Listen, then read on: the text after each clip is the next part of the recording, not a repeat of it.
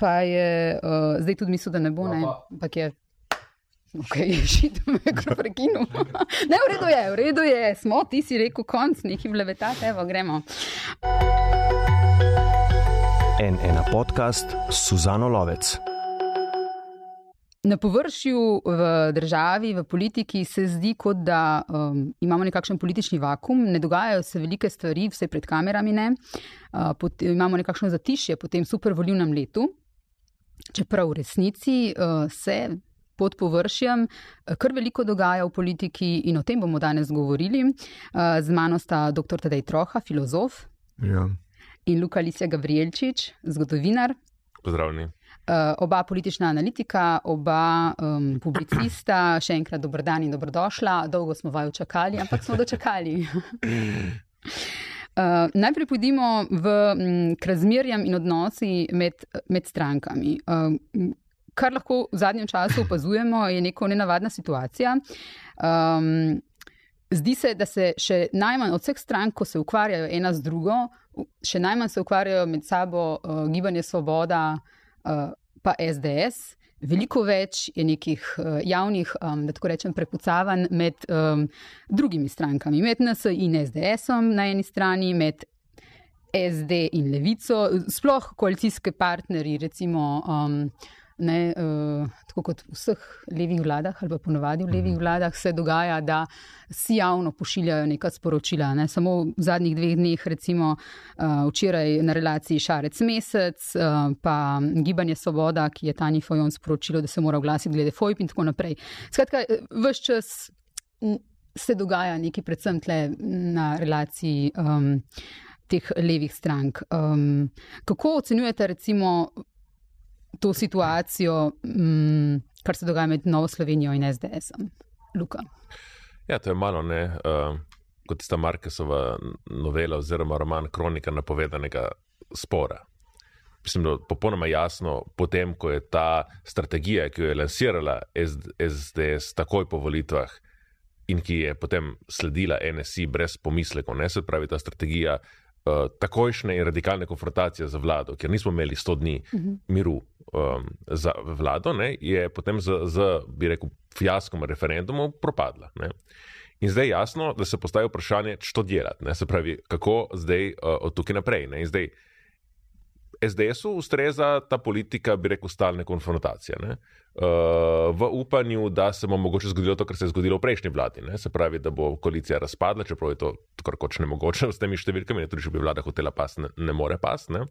Um, in potem v bistvu ohranjati visoko mobilizacijo svojega glasnega volilnega telesa, kar ji uspeva. Tudi mislim, da te demonstracije, ki so bile v pokojnici in tako dalje, dokazujejo, jih ne smemo podcenjevati, da je dejansko mobilizacijska moč desnice zlasti okrog SDS še vedno zelo visoka. Potem, ko napake, ki jih dela uh, koalicija, zlasti uh, Gibanje Svoboda, pač vplivajo, da je to volilno telo, recimo tako levo-sredinsko, to, kar je zglasovalo sedanjo vlado, ne, nekoliko bolj demoralizirano, demobilizirano. Ne? Zdaj, to je pač ena, imenujemo jo tako strategija. Ne? To je kot general Kadorna ne, v prvi svetovni vojni, ne? 12 soških ofenziv, ena za drugo, in presle bomo bomo prodrli. Ne. Eh, na drugi strani, zdaj NSI je, je v poziciji, da, da bi se nekako že ugotovi, ugotovila pravilno, da pač ta strategija njej ne koristi. Uh, kaj, pa, kaj pa koristi, tega pa še ne ve, pravzaprav. Ne? Mhm. Ker zdaj, um, seveda, po eni strani to se dosti govorilo. Dobro, če bo uh, golo razočaran nad levico, ali pa če mu ne bo več všeč uh, koalicija z levico, lahko pač odstrani levico in zamene z NSI, ampak to je zdaj uh, politična fantastika. Ne? Uh, nič ne kaže, da se bo to zgodilo. Ne? In tudi konstruktivna vloga, ki naj bi jo, ki naj bi jo recimo kot alternativa te politike konfrontacije vodila NSI z vizavi vlade, ne, um, se, se ne kaže kot neka realna opcija. Ne. In zdaj tukaj je, tukaj je uh, NSI pač skuša iskati neko svojo, neko svojo nišo uh, in je se je dejansko sama sebe postavila v neko, v neko, v neko pad pozicijo, ker dejansko ne, nima, nima, neke dobre, nima neke dobre rešitve. Ne. Uh, in pravi, in te, kar je, kar je pravzaprav se mi zdi, da zbrala kot neko strategijo, je, da je zdaj rekla, da mi z Janšo več ne bomo šli v, v, v vlado. To je rekla potem, po porazu na, na, na referendumu, kar izpade, ne vem, mislim, da tudi voljivcem eh, desnice izpade, ne vem, nekoliko. Do zdaj ste bili za, zdaj ste pa, zdaj ste pa proti, v redu. In seveda s tem pritiska na SDS, da oni izvedejo spremembo. Da oni, jaz mislim, da tukaj je v končni fazi pojemo Bobo Bob, da pač zamenjajo Janša z logarjem. Uh -huh. Uh, ker v, če bi recimo SDS spremenila svoje vodstvo, potem bi NSI bila potem za tako, za tako SDS zadovoljna in vse bi bilo, vse bi bilo v redu. Ne? Kar je paradoksno, ker če bi, bi rekel, SDS se transformirala po, po liku, po liku Lažeta Logarja, bi, kako bi rekel, bi bila NSI še, še, še, še večji problem bi imela. Pravi, še, večji, še večji problem bi imela, da bi, da bi sama v bistvu, um, kako rekel, vzpostavila svojo lastno entiteto. Ki se pa ona razlikuje od SDS. Se pravi, mislim, da je, da je tukaj na desnici ta dinamika. -huh. uh, Logarja, ki si ga ti omenjal v um, našem zadnjem podkastu, ne, eh, zdaj je on najbolj priljubljen uh, politik v državi. Ja, Dobro si napovedal. Zaradi tega, ker je jasno, da so vedno fantazijski pač politiki najbolj priljubljeni. Ne? Tako da, eh, ne, rekel bi tole, bi se mal navezal no, za vprašanje NSA, pa ne, da me zelo zanima, ampak tako. Um, rekel si, da, da um, ta ideja, da bi oni zamenjali levico, recimo v vladi ali pa ne vem, kako koli ne paket, da je to skozi v zraku. In da to vemo, da je fantazija. Ja, je fantazija, ampak kot fantazija deluje. Ne? Se pravi, mislim, NSI igra na to, uh, igra na to, oziroma oni, bi rekel, niti ne, ne igrajo to, igrajo se s tem, uživajo v tem, fantazirajo v tem. Uh, da, v bistvu, ob tem, ko vlada sprejema neke določene stvari, oni v bistvu zraven neko, neko dopolnilo dajo, korektiv, kako oni, kako oni to percipirajo, tako rekoč, kako bi oni to percipirali, ne vidijo tega kot zelo različnega od tega, kar si oni želijo. Tako da v bistvu, da je nekako sporočilo, tako implicitno, malo mal tiho sporočilo, v smislu, sej pejte v to smer, ampak tam, ko bo preokret, treba, ko se bo treba odločiti, ali gremo v bolj levo ali bolj liberalno stran, da rečem, pejte v bolj liberalno, poslušajte ameriško gospodarsko zbornico, mislim, skratka, zbornico MČM in tako naprej. Skratka, tam, ko, ko se bo treba pri zdravstvu, pri plačah, ko ne vem, kaj se bo treba odločiti, kam iti. Uh -huh. Po tej smeri, ki, zgleda, ki je zaenkrat neodločena, ker ne vemo, ali bo šla v bolj levo ali bolj pač desno smer, no, mislim, kako koli konzervativno, eh, ekonomsko konzervativno, bo um, to, to oni počnejo. To oni počnejo. Izvajo nek pritisk, ne obnašajo se kot stranka, niti oni so se neutralizirali v tem smislu, da so nek, nek glas nečesa. Uh, Ki ni glas stranke. Pustimo tisti, seveda, tisti njen, njen odsek, ki je uh, Lojza Peterle in tako naprej, ki gre na VSO, pa te, te um, igrice drugega tipa, kako reko, ne, bolj z SDS, ampak tako naprej, to pa itak. E, zabavno je, zabaven je bil ta tweet uh, za Valentinovo od Levice, ne, da um, za Valentinovo vam želimo, da bi si našli nekoga, ki vam posveča toliko pozornosti kot Matej Tonin Levici. Uh, so malo zajeli ta bistvo tega odnosa. Ja, ja ampak um, mislim, da tukaj je uh, mogoče res smiselno videti tako še drugo stran. No? Se pravi, da tudi enožitek levice v tem. Mm -hmm v tem lahkem nasprotniku, oziroma v tem fantazijskem nasprotniku, ki dejansko ni njihov pravi nasprotnik, že dolgne, uh mhm. eh, -huh. je tudi za kritizirati. Mislim, Boris Vezjak v nekem svojem zapisu nedavno to, to nekako uh, uh, nakazal in se moram reči, da strinjam z njim. Uh mhm. -huh. Ja, ampak je na nek način ne, pravi nasprotnik. Zato, ker če se, kako bi rekel. Je res, da že samo govorjenje o tem ustvarja neko obzorje prihodnosti, da tako rečemo. Ne? Ker vedno bolj se ustvarja predstava, da zdaj imamo neko veliko centristično stranko, tako kot smo bili vajeni, amebasto, z ogromno mm, frakcij in glasov in tako dalje, ki zasega tako kot celoten centralni politični prostor. Ne? In zdaj ta se lahko odloči, ali bo imela, kot si rekel, bolj levo politiko ali bolj desno politiko. Ne? In tukaj potem se vzpostavi ta dinamika konkurence, ki je v bistvu konkurenca snubcev. Kdo, pravi, kdo, bo, kdo, bo, kdo bo boljši snubec uh, te velike razlike, s kom bo šla? Ja, ja, ampak to je sanski moški. Razlika ne, v bistvu. je, da je en da, da je en zunaj, ja, drugi ja, ja. pa sedi na sejah vlade uh mhm. -huh. in se zelo fizično. Podredi, kako bi rekel, zelo fizično kompromise sklene, ko je treba. To je, to je čez druga relacija, mislim, ne, veš, zato je, zato je tle razumeti. Ja, ampak to stvar, si, že to, da se ve, da lahko zdaj ne, ne ampak recimo čez eno leto in tako dalje, pred koncem mandata, golo, recimo se odloči za drugačen tip koalicije, da se začne dogajati to, da, da pač grejo zakoni neusklajeni na, v parlament in da potem levice glasuje proti in NSI glasuje za, ne? se pravi, da začne koalicija, recimo čez eno leto, pa ga tako razpadati po tej liniji. Ne? Tukaj dejansko. Eh, je potem ta opcija, da, da bo pred koncem mandata ali pa na začetku naslednjega mandata potem bila neka druga formula, Golo plus NSI, se, se dejansko tukaj začne vzpostavljati, začne se govoriti o tem. In že to, da se začne govoriti o tem, da je pravzaprav golobu neko, nek, uh, nek dosti močen vzvod, ne? ker o njemu ni treba nič reči, ampak nekako se ustvari ta ideja, da levica mora biti malo bolj tiho, mora biti malo bolj podrejena, če noče, da se zgodi kaj takega. Uh, ker pa to pa je to problem levice, ne? da za razliko od NSI. Ker z NSI zdaj v teh, ok, zdaj če pogledamo rezultate, dobro, NSI je dobila 2 odstotka več kot levica ali kaj takega, 2,5. Ampak ima dosti boljšo strukturo. Uh, dost, tudi na lokalnih volitvah ima neko, svojo, ima neko svojo bazo, ima dosti boljše strukturirane, uh, bi rekel, glasove. Levica je zelo šipka. Uh, njena šibkost se je pokazala na, na predsedniških volitvah, na, na, na kljub vsemu na lokalnih volitvah. In uh, je, je dejansko neustano na meji preživetja. Ne? Ampak.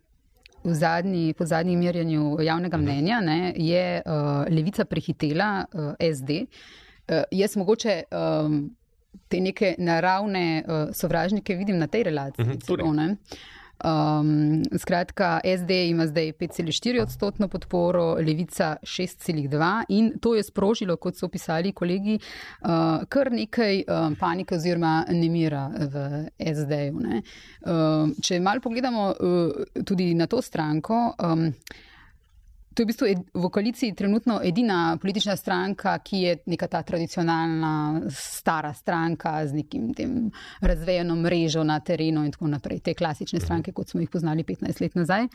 Um,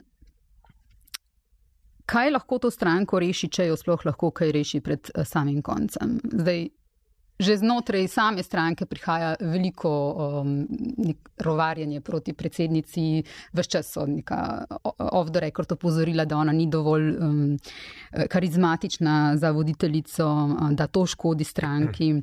Um, se bo ta stranka s časoma, ne vem, stopila s kakšno drugo stranko, bo izginila, lahko zrase s kom drugim, Zdaj tukaj eh, Janja Prednika se vse čas omenja, uh, zelo priljubljena ali pa bolj priljubljena od Tanja Fajon je Dominika Švarc-Pipan. Kaj se lahko zgodi tedaj? Ne vem. Mislim, za, za SD res ne, ne veš, zaradi tega, ker reka si, ja, je ena, uh, je edina no, v vladi tradicionalna stranka, pa še to, mislim, pogojno. E, po eni strani bi rekel zato, ker je levica počasi tradicionalna stranka. Uh mhm. -huh. Eh, po, po drugi strani, zato ker je SD pa edina stranka, ki je znotraj sebe zares na polno skregana. Ne, pravi, mislim, je, eh, je sicer edina klasična stranka, ampak je nje polne not, kako bi rekel, eh, realno. Vidiš, da, da se oglašajo, da bivši ministri kritizirajo isto, kot da spoh včasih ne veš, so še v stranki ali niso več. Pošiljajo ja, pač neka sporočila, kako koli. Um, seveda, pač v trenutku, ko so oni zasedali ta mesta, ki zdaj ne zasedajo, so pač bili enaki kot so ti zdaj. Da, zdaj, kdo bi bil, uh, kdo bi bil boljši, zdaj, če je problem v Tani Fajon? Mislim, moramo se vprašati, seveda, zdaj v tem trenutku je zelo težko reči. Pač v tem trenutku ni prostora za persono, ki bi bila. Eh, ki bi, mislim, da ni več prostora v tem, na, na, v roku enega leta, dveh let, ki bi recimo, da bi rekel, ok, če bi bila pa karizmatična, močna figura, pa bi potem parirala, ne vem. Golo. Golo, ne, mislim, uh mhm. -huh. ne, po mojem, ne gre to tako preprosto. No, mislim, um, Tako da jaz ne vem, njihova prihodnost, me, iskreno rečeno, res bo, bo zgledala pač grdo, ampak me ne zanima. Uh mhm. -huh. Me ne zanima, ker se mi zdi, da so, so pa ene, eh, ene organizacije take, ki bi pa pač morale se same sabo ukvarjati, ni, mislim, ni na nas, da se da mi na prihodnost napovedujemo ali svet, na svete dajemo. Ne vem, kaj se tudi resnica, kdo to hoče. A, a ti hočeš iskreno zdaj dati na svet ali pa povedati, kam naj gre SD. Mislim, kam, kam meni je škoda, na eni strani, po eni strani je škoda, sveda je škoda vsake stranke, ki ima, mislim, ki ima neko mrežo, ki v končni fazi nas je veže nekaj ljudi, to je pač politični potencial v smislu. Eni ljudje so pač v to stranko vključeni, tam svojo politiko, kakršno koli že tudi na lokalni ravni izvajo, neki, neki migajo, neki počnejo, nečem se udejstvujejo, zato da v bistvu na koncu ni nekega izplena. Ne? To zdaj, mislim, ampak jaz ne bi po njih, hkrati me ne zanimajo, na, na, na nek način hkrati tudi ne bi.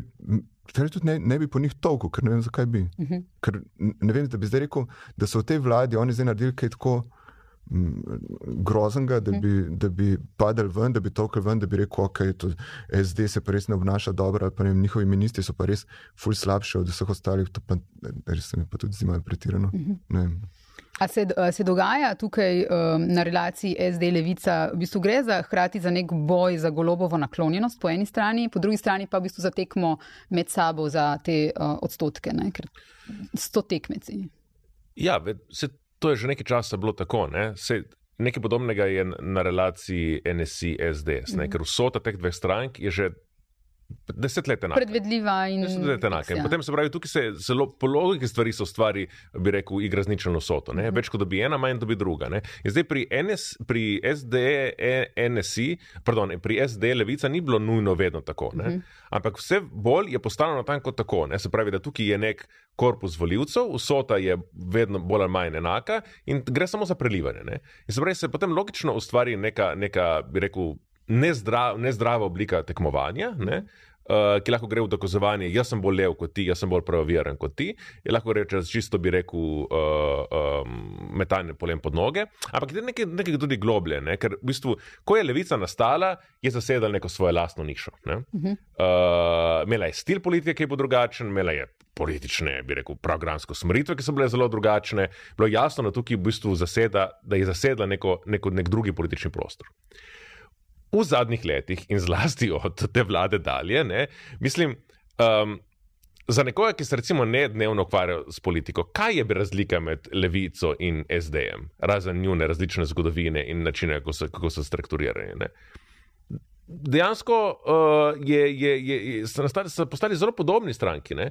Uh, nekdo je rekel, da je, da je levica pravzaprav bolj spominja na, na podmladek SD-ja, kot pa na neko, neko drugo stranko. Ne? Zlasti zdaj v vladi je to zelo izrazito. Ne? In, in dejansko to na nek način sta, na nek čuden način, kako bi rekel. Um, Uh, komplementarni, ne? zato ker pač levica je, je stranka, uh, ki je močna v Ljubljani, ki je močna med mladino, kjer so natanko recimo uh, sku, skupine voljivcev, kjer je SD šipkejša. -hmm. SD ima zelo močno strankarsko strukturo, je, je, se je tudi izkazal na, pre, na lokalnih volitvah, ena izmed zmagovalka lokalnih volitev. Ne? Te lokalne volitve so njo rešile iz, bi rekel, iz, iz krize, ker je dejansko zablestela, medtem ko levica je bila poražena na celi črti, če zdaj odmislimo ta uh, osebne, osebno zmago njihovega kandidata v celju. Ne. In se pravi. Um, bi rekel, posa, vsa, če bi recimo tukaj poklical nekega menedžerja, ne bi rekel, popravi mi to našo levico, ne bi rekel, prva stvar, kar moram narediti, je narediti združenje teh dveh strank. Uh, zdaj, iz, iz, iz osebnih razlogov in zato, ker pač gre za neke različne uh, klientele in, in skupine ljudi, pač sta, sta med seboj sprti. Ne? Ampak vse bolj se kaže, da pravzaprav, pravzaprav je to uh, ena stranka z dvema, z dvema obrazoma. Ne? Bi se strinjal? Mm, ne zares. Mislim, um, ne zares, zaradi tega, ker uh, je ena stranka taka, ki je, mislim, lahko rečeš, da na koncu je tako. Pač, ampak ta dva procesa, ena bistvena kako rekel. Kaj, kaj označujeta, kaj označujeta ta dva procesa? Se pravi, ena stranka od tega, da je šla v vlado, eh, preprosto. Pa ne, zaradi, eh, rekel, zaradi svoje, ne samo zaradi svoje lastne šibkosti, pa zaradi svojega lastnega kompromisarstva. Tudi zaradi tega, eh, v kakšen, rekel, v kakšen kontekst pade. Ne? Mislim, v končni fazi, a veš, pritoževati se nad levico, da ni različna od SD-ja iz sredinske pozicije, ali pa da rečem iz desno-sredinske pozicije, ki vse čas v bistvu opozarja, da je levica preskrajena, da ne vem kaj, je mal hecen. Ne? Kako bi Ne, rekel, se ni nujno veš, pritožba, to je zgolj Ne, ne, ne, opaska. sam pravim, kontekst je kako rekel, prevladujoč, prevladujoč narativ je tak, da je, da je levico pač izrinil ven, zdaj mislim, da rečem na, po lastni krivdi njihovi, ne vem, kakorkoli, ampak s tem se morajo oni tudi sami ukvarjati in sa, sami se vprašati, ali lahko zberejo na nekih določenih točkah še voljo, da uh, kontrirajo, da, uh, da držijo neke pozicije, prek katerih se ne gre, ali grejo še tukaj v tem simbolnem, pač, uh, v simbolnem popustijo. Ampak sam to pravim.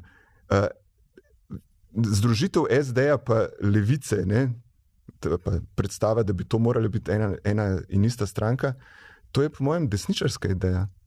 Opa. Ja, uh, Mislim, ne, ozmer, ne, ne, se bre, da sem izognil odgovorom, bom rekel drugega pojera. Tako kot je levičarska ideja, tako kot, je- da rečem, tako kot je levičarska ideja, da se NSI pa SDS bolj zbližata, oziroma da SDS postane bolj podobna NSI in da to postane ista stranka. O tem govorim. Bistvena razlika, ki jaz vidim med tema dvema strankama, med Levico in SD-jem, je, da ima SD. SD je.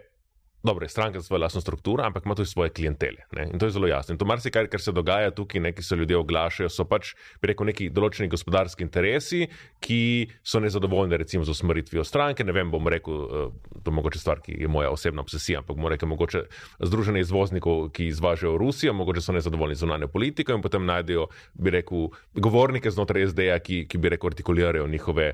Um, Razumljive, uh, um, razumljive in problematične, problematične interese. Uh uh, tega levica nima. Ne? Uh -huh. Levica nekega svojega, uh, to ima SDS, seveda, to ima, to ima NSI, uh, to bomo videli, ali pa vidimo že zdaj, ima gotovo gibanje svobode, in tega, tega levica pa nima. Ne? Svo, te svoje lastne, bi rekel, um, koga postaviti na, paradr, na paradržavne uh, te inštitucije, paradržavnega gospodarstva in tako dalje. Uh, ne, ne, ne, v bistvu ne, ne, ne, ne izraža nekega, uh, nekega konkret, nekih konkretnih uh, gospodarskih interesov, uh, bomo rekli, med nosilci kapitala. Ne? In to je tudi del njene identitete in zato se lahko tudi, kako bi rekel, zato lahko tudi bolj iskreno artikulira neke določene levičarske pozicije. Ne? In s tem, ko jih tako, in s tem je pač nevarna na nek način SD-ju, ne? ker, ker je zdaj pač. Uh, pa ima to identiteto levičarsko, ne? uh, ampak ki pa se dosti krat stepe za tem, kdo so pravzaprav njeni, uh, bi rekel, močne struje znotraj nje. Uh -huh. To je ta bistvena razlika in, in to ni banalna razlika. Ne? To pa gotovo ni banalna razlika. Ne? Um, gremo dalje k reformam. Um, smo v času, ko pričakujemo te reforme, vsi vemo, reforme so v Sloveniji nujno potrebne. Um, veliko govorimo o njih, veliko tudi stranke govorijo o njih, še nekaj časa jih pa očitno ne bomo videli. Zdravstvena reforma, za katero pravijo, da je to reforma vseh reform, uh, ali jo je Bešič Lordan po vašem mnenju uh, sposoben speljati, oziroma kako njega vidite kot ministra? Um, a lahko preskočim na drugo temo? Ne, eh, zakaj? Tega, ker oni so zdaj sprejeli, eh, zdravstvena reforma je bila top tema. Kao, to je zdaj naš, naša prioriteta, uh, mi bomo temu sledili, to bomo mi naredili. Uh, začeli se je nekaj dogajati, začeli so se neke ideje, začeli so se malo kregati, z- začeli se izpostavljati. Kaj se je zgodilo? Spomnili so se nove reforme. Spomnili so se plačne reforme, ki je kar naenkrat večja prioriteta. Teh dveh zadev se ne more delati hkrati. Mislim, prioritetno se jih ne da delati hkrati, nikakor. Tebi se zdi, da, sta, da je načrtno v bistvu plačna? Mislim, ne vem, načrtno, pač, ali so se zakalkulirali, pa so mislili, da lahko dve stvari delajo. Rezultat je ta, da zdravstvena reforma kot reforma. Uh, ni več politična prioriteta. Uh, je prioriteta v smislu, da ljudje še vedno vidijo probleme, uh, da, da še vedno se vidi, da so različne ideje, da se sprašujemo, ali bojo že pred reformo zdravstvo reformirali tako, da ga ne bojo mogli reformirati, kot so se zdaj postavili, da bo polka bo reforma morala zalaufati, reči, uh, zadeve so še, še slabše, pa se bomo morali mečkan prilagoditi reformo, pa jo malo bolj na privatno zdravstvo obrniti. Recimo, take bojazni so, ne, obstajajo, ampak. eh, Vlada se je odločila, oziroma pač gibanje Svoboda s- so se odločili, da bojo pač zdaj štartali na plačno reformo in to je njihova prioriteta. Um, ki seveda ni nepovezana s tem, ker hočejo na nek način tisto, kar, kar bi rekel, so percipirali kot glavni problem zdravstvene reforme, ne, eh, glavni problem zdravstva, kako rekel, te kadri, ki razmišljajo na ta način. Kaj, se, kaj pa mislite, da se je zdel problem pač gibanju Svobode oziroma tem, eh, kako rekel, mal. eh, Um, New Age tehnokratom, eh, ki v, prevladujejo v tej stranki. Kaj pa mislite, da se jim je zdelo najbolj problematično pri zdravstvu? Plače. Ne? Se pravi, plače so bile problem. In kaj so šli rešiti? Plače. In zdaj so pač uh, tudi zaradi tega najdel izgovor, da lahko seveda to grozljivo, kot da stisnjeno uh, plačno lestvico pač uh, spet malo raztegnejo, malo sprostijo, da, da, bo, da bodo tisti, ki zares dobro delajo, dobili veliko. Uh, se pravi, da bodo zdravniki dobro plačeni, to se tako bere. Ne? Mislim, da je uradno, da ne, bojo, da ne bo več treba. Da ne bo več treba si izmišljati enih stvari. Hočem reči, um, težko ocenjujem, ne, če zdaj se vrnem na vprašanje, težko ocenjujem, kakšna je zdravstvena reforma, zaradi tega, ker um, kje pa, kje, pa, kje pa se odvija zdaj? Ne Se vem, ne. Ne? Kje se odvija ta, ta pogovor? Eh, V končni fazi zdaj ministrica za, no, za, za notranje, no, za enkrat, če za notranje zadeve, uh, pa za, kaj je za javno, kako se reče, za javno upravo. Um, Obljublja, da bo zdaj sestankovali vsi sindikati enkrat na teden, ne? Uh, da bo to zdaj, to bo sestanki in sestanki in govor o tem. in kaj. To, če si predstavljate, kaj to potegne za sabo, mislim, nekaj, kar hočejo s 1.1.2004, 2024, uh, um, izpeljati, to, to pač preprosto ni prostora. Pa še kaj bo prišlo, ne, da ni pomote. Ne, zdaj le ne vem, kaj se bo zgodilo. Ko tole šlo ven, bomo videli, kaj se bo z RTVM zgodilo, ne, tako da bo še zabavno. Um, zdravstvena, davčna, stanovanska, pokojninska A ja, to reforma. še, no, to, ja. to vse čakamo, to vse med drugim. No, uh, vse to čakamo. Ali na tem, kako bojo izvedene in če bodo pravočasno izvedene te reforme, uh, stoji ali pade Robert Golob, uh, ne kot stranka, ampak tudi kot oseba, kot premijer, ampak kot politična figura. Ja, na nek način se ponavlja to, kar se je zgodilo pod Paharovo vlado. Ne? Tudi Paharova vlada se je takrat sredi najhujše krize lotila cele vrste reform, natanko tako, ena zraven druge. Ki so bile na nek način logično povezane, ampak, kako bi rekel, način, kako so bile izpeljane, je bil katastrofalen. Je pa res, da je delovala pod predsednikom vlade, ki je imel nobene sposobnosti. Prvič, ne, ne sposobnosti, da je razumel, s kom ima opraviti, se pravi, nima nobenega kadrovskega pregleda s katerimi se je obkroževal, z obupnimi svetovalci, uh, brez, bi rekel, tega menedžerskega feelinga. Uh -huh. Te stvari Robert Golop ima. Um, je, je pa seveda tako, ne? ko se lotiš ti potem delaš, dela te velike reforme.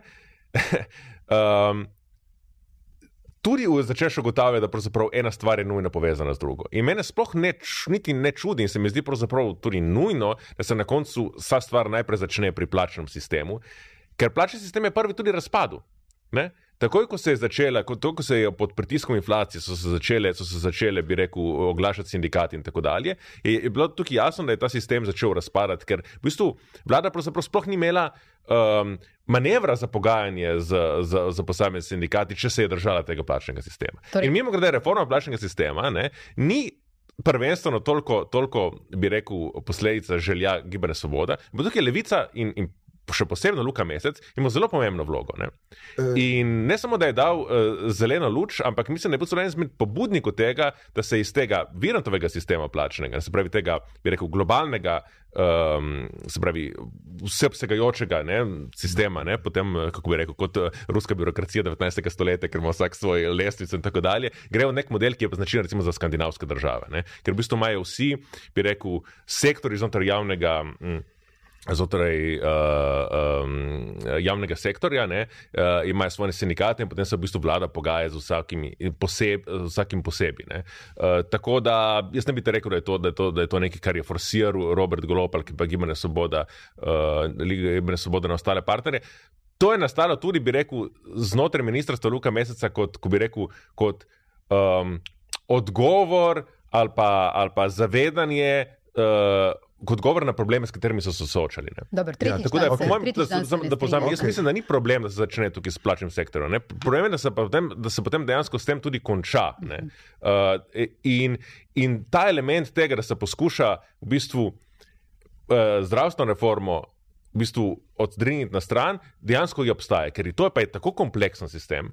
In tukaj pa se morate, tukaj dejansko nismo videli še nobene resne ideje. Ne. Ja. Ne, veš kaj, tle, tle tako. Ne, se, se, uh, absolutno niso sami prišli na to idejo. Ne, mislim, uh, se to, je, to, je, to, je, to pa je to. Ne, um, kar pa je mogoče malo. Rekel, Naivnost uh, levice, pa nujni kompromis, ki ga je treba, oziroma pač ne gre drugače. Levica je seveda hotela pač postaviti, odpraviti ta problem, -huh. se pravi kompresijo od spodaj. Se pravi to, da, da se minimalna plača, skratka, da je više od, od ne vem koliko razredov, ne vem, ti boš moče vedela. Um, od, do te točke, ja, v redu, nimam nič proti. Plačni sistem, ker to je bil problem. ne. Zdaj, te, to je bil resen problem, če, če si bil v, v javnem sektorju, pa če si, če si spremljal te debate, pa če si poslušal, se, kdo se je pritoževal, kdo je, kdo je imel težave s prejšnjimi plačami, za res. In mislim, upravičene težave so bili ljudje, ki so bili od spodaj, kjer ni prišel več do nobenih razlik v končni fazi med najnižjo in razmeroma že kar višjim, visokim delovnim mestom. In pa so se pa začele razlike delati. V glavnem, kar hočem reči, um, če bi hotel to krivico oziroma ta problem odpraviti, ki je nastal zaradi tega, ker je pač se minimalna plača višala, ker se je preprosto morala, ker se pač stvari niso eh, v večnosti enako pač eh, ne stanjo in se je tle naredila neka, nek preskok od tega, kaj je minimalni, minimalni standard. Um, Je pa potem to, kako rekel, ta um, zagon, ta entuzijazem, ki pa ga zdaj ne vodi več levica pri tej reformi, ampak ga vodi uh, Sanja Janovič eh, Hovnik, ne, uh, ministrica, uh, je pa ta ideja, da je um, konsenzualni družbeni, neko rekel, pravo razmerje med najnižjo in najvišjo plačo v javnem sektorju ena proti sedem, ne pa več recimo ena proti pet, kar je bila levica, kar je bila ideja levice kot o maksimumu vse čas. Ta razlika med ena proti sedem in ena proti pet zgleda kao simbolična, pa ni tako velika. Mislim, to je ogromna razlika. Mislim, to, je, to je huda konceptualna razlika. Zakaj? Zaradi tega, ker če bi ohranil razmerje ena proti pet, bi prišel do tega, da bi uh, na koncu moral verjetno um, uh, razlike najbrž še malce zmanjšati, ne, rekel, med plačnimi razredi. To zgleda tako za, za nekoga od zunaj, pa za nekoga, ki je obseden s tem, kako morajo res tisti, ki dobro delajo, dobiti več, pa tisti, ki so na višjih pozicijah, bolj odgovornih, dobiti eh, primerno plačilo, zaradi tega, ker to trpijo. Zgleda pač, ja, da, da, morajo biti razlike večje in na to, na to igrajo. Ne? Ker češ, kako pa naj bojo, kako pa naj ljudje se zavedajo svoje odgovornosti, če imajo tako, tako mal višjo plačo od tistih pod sabo. Ampak, ko si ti enkrat, ko ti enkrat delaš v neki delovni organizaciji, ko gledaš ljudi okrog sebe, ki delajo praktično enako, pa so iracionalno različno plačani, že to je en problem, ki ga jaz, mislim, jaz enostavno ne vidim potrebe. To je pač moje, moje stališče, za razlike so še prevelike. Drugi problem je to. Um, ko, bo, ko se bo problem, eh, ko se bo zadeva na ena proti sedem raztegnila, kaj boš dobil? Dobil boš ta minimalni standard, bo postavljen na minimalno plačo in tam se bo zadeve malo više, seveda bo to potegnil. Um, Uh, mogoče se ne bojo osnovne, uh, ne, kako reko, življenjske potrebščine podražile, tega, ker, bo, ker bo toliko višjih plač, ampak uh, dvigne se, bo, se bojo cene tega luksuza, ampak ne luksuza, luksuza, ampak luksuza, uh, tipa pač kosilo v gostilni. Za srednjega razreda. Ne, ja, mislim to. In uh, tukaj dobiš problem, da potisneš, si rečeš, ok, vse oni bodo dobili eh, minimalno plačo, pa še malce čez, super se bojo imeli, ne, končno, končno bojo imeli za jesti. Um, to je pač minimalni standard, kot pripada pač tem nizkim ljudem, ne, ki pač ne delajo nič posebnega. Ne. Ampak kaj, bo, kaj imajo oni od življenja, kaj ima človek za, za tisoč, evri, tisoč evrov evri plače, kakšno je to življenje? Mislim, kakšen je to standard? A je, to, a je standard, minimalni standard to, da uh, za vsako tortico, ki jo hočeš kupiti, pač razmisliš, mogoče rajš ne bi? Mislim, uh, ko razmišljaš o, tem, da bi, um, jo, ne, sej, ful bi zdaj le si neki naročil za jesti, ampak um, nimam denarja, si bom rajš neki skuhu, pa, pa res nimaš časa. V glavnem te stvari. Um, In tega občutka se mi zdi, da, da ni, in tukaj se, če zdaj se vrnem nazaj, tukaj se je zgodila ta razlika med, med osnovno idejo, ki jo je levica imela, preden je bila v vladi in ko je prišla v vlado, in ko je na ministrstvu za delo s tem prišla, in ko je to pohopsala pač eh, druga eh, stranka. Eh, to idejo plačne reforme in vseh teh stebrov in stebričen in stolpičen, ne vem kaj, in nagrajevan po, po odgovornosti in uspešnosti, in tako naprej, in tam, kjer se res izkaže. Itd. To je bistvena razlika. In tle, če sem prej rekel, če sem prej govoril o levici, ki, je, ki ima dilemo. še Miha Kordiš je pristal na to, da okay, pa naj bo ena proti sedem, ker to se mi zdi velika napaka. Mhm. Se ti zdi, da se je ta stranka v vladi kaj? Po Ja, pač potegnilo je tja, mislim, pa, padle je na svoje strukturno mesto, čistko, tam, kjer je plat za njo. Sreča, Vse da drugi je realnost.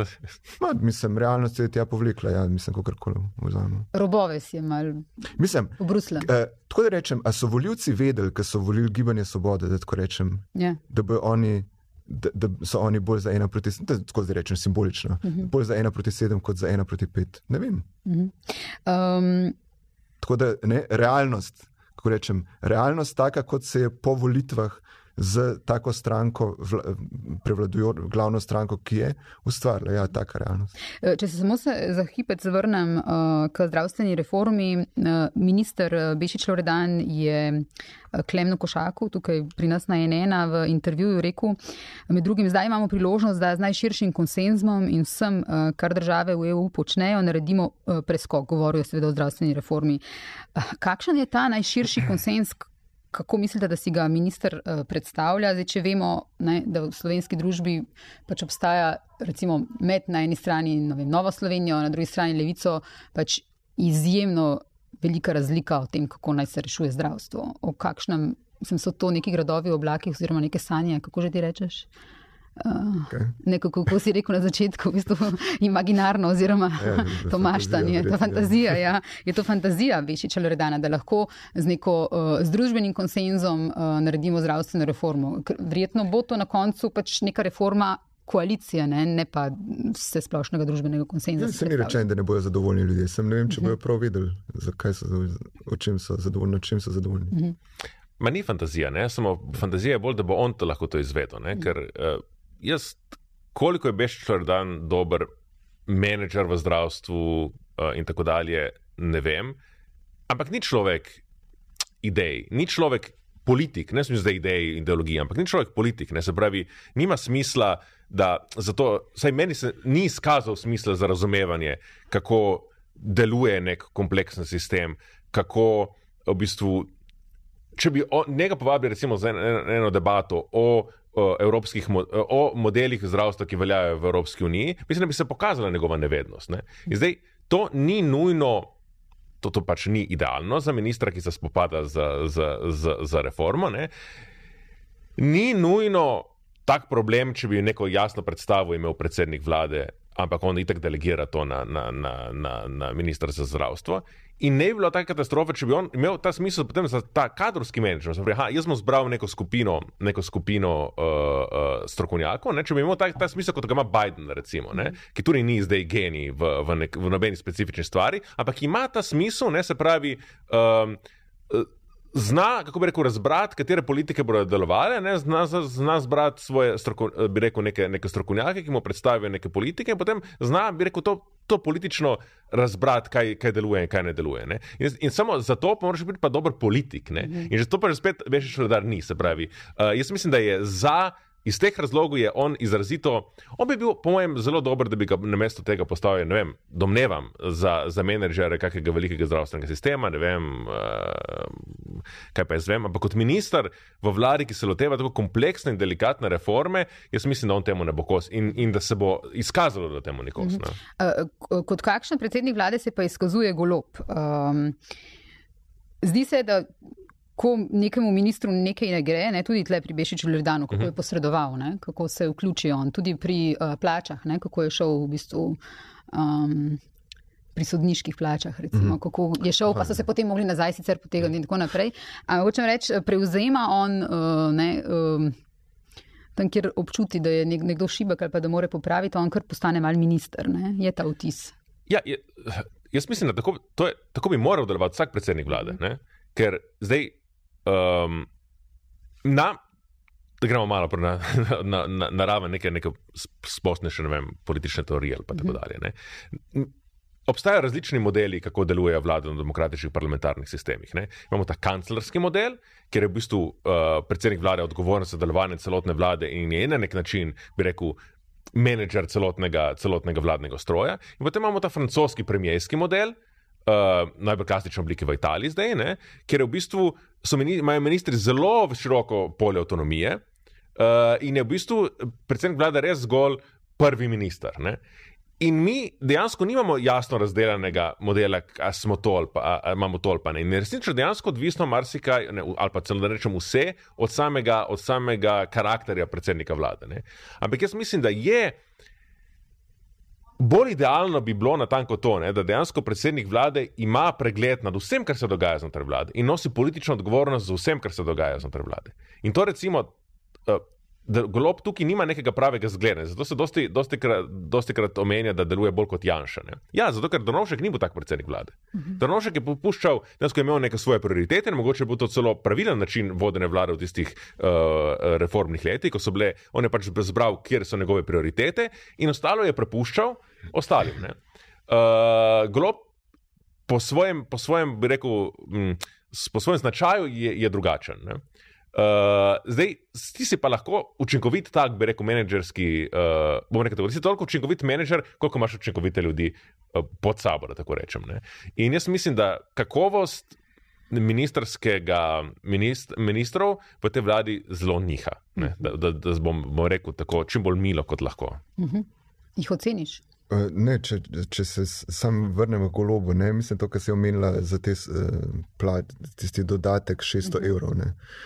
Mislim, ok, ja, razumem. Ne? V teoriji politični lider, ne, ki uh, pride pa spodbudi svojo, svojo ekipo, da, da reši problem, ki ga je on ustvaril. Ja, lahko se tudi reče super. Um, problem je v tem, da so to no, malo mal, mal preresne stvari. No. Mislim, um, malo preresne stvari, um, da um, ne bom in noben rekel, da mislim, kdo je, kdo je to cifro 600 evrov, 0,0 naštel? Mislim, sej, v trenutku, ko to dobiš, mislim, meni je to, meni je to sumljivo, vedno, ne? vedno, kadar ljudje rečejo 600 evrov, pa 300 evrov, pa milijon ali pa milijarda, ne vem kaj. To pač pomeni, da nisi na računu, da pač kar nekaj govoriš. Da so pač simbolne geste, ker češ. Mm -hmm. Bom jaz to rekel, prišel bom tja, rekel bom, vi, vi dobite vsi 600 evrov, tele smo se zmenili, ajde, eh, roka, ne, pa je. Mislim, pol pa je treba, pol je treba pa rihtati, pol je treba ne kaj, ampak kaj se zgodi? Ja, message je pa poslan, message je pa poslan, uh, ne um, funkcionarji, ne, ker so tudi v smislu to, kar bi bilo prav, pa ne vem kaj, ne, ker so oni tudi levo-desno funkcionarji, ne druge veje oblasti, pa tako naprej. Ampak plače so, ta, ta une plače, ta više so preniske, to je message. Mm -hmm. Mislim, to je message, ki je pol izkoriščen. Izkoriščen je v smislu, gledajte, no, mislim, ne. Uh, pa pridejo, seveda, pa pridejo ljudje, ki, ki to slišijo, pa pridejo uh, penzionisti od uh, Ruparja in tako naprej. Ne? Zato so tudi, mislim, tle mobilizacijski potencial, ne vem kaj. Tudi, tudi, tudi iz tle so seveda potegnili, ne? ker je to bilo mal pred tem in so tudi imeli celo plakate na, na, na, to, na to foro. Ne pač, kao, daš sodnikom, toživcem 600 evrov, tako le vržeš, kar je, mislim. Ne, eh, rekel, nesramno se igrati s takimi ciframi, ne zato, ker bi zdaj eh, rekel, samo po sebi ne pripadal uh, sodnikom ta dodatek, pa da ne, da ne bi bilo treba uskladiti teh plač teh razmerah, levo, desno. Ne, ne, ne govorimo o tem, ampak da ti prideš nepreštudirano, vrštven cifro, ki je slučajno cifra ene take. Take mal, ne, ne najnižje, ampak bolj, bolj slabe, mislim, penzije. Ne? Seveda, da govoriš o dodatku, o tem, kar pa rečejo, pa to, ki jaz dobim, to je, to je ja. to, kar jaz imam. Ne? On se pa špila s temi 600 evrov, kot da gre za nekaj, kot da vrže tam pač na pitnino. Ja. Mislim, v tem je problem. To je pa, Pokaže, ta, to je pa pač prebogat človek. To, to je pa ta razlika. Preprosto, če, to je prebogat človek. To je pa razlika med tem, da si ti menedžer uh, bogatega uh, paradržavnega. Uh, bogat menedžer bogatega, bogatega ja. paradržavnega podjetja ali pa predsednik vlade, ki v bistvu vladaš v imenu neke levostardinske etike. Ne? Ja, ja, ne, pa se ne gre za, mislim, gre za osnovni tudi občutek v končni fazi. Se ne, ja, ne. Občutek gre, ti, ti preprosto ne veš, ti ne, ne, ne veš, kaj je 100 evrov v tej državi. On ne ve. Ne ve, kaj je to 100 evrov. Mhm. In ne ve, kaj je 600.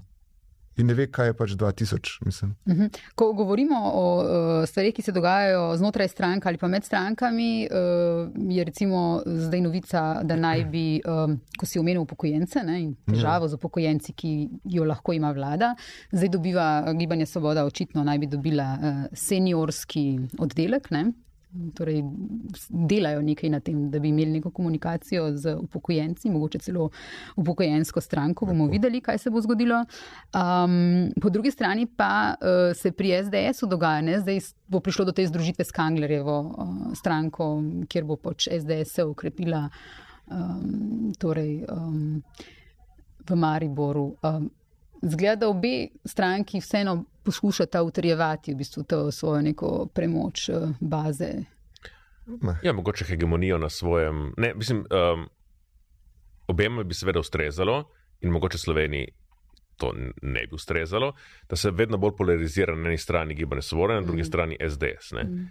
In uh, sred, to, na, na desnici je to proces, ki traja že dlje časa ne? in je bil razmeroma neuspešen, ker, ker eh, Janša ni uspela tisto bistveno, kar bi on mogel doseči, če bi lahko hotel izvajati neko konsistentno in uspešno in liberalno politiko, to, kar je uspelo Orbanu in kar je uspelo Kačinskemu na polskem, uh, bi rekel, um, izriniti, absorbirati, kooptirati konkurenco na, de, na desni. Ampak kljub temu uh, težnja obstaja, tega moča težnja ne stranke na resnici obstaja.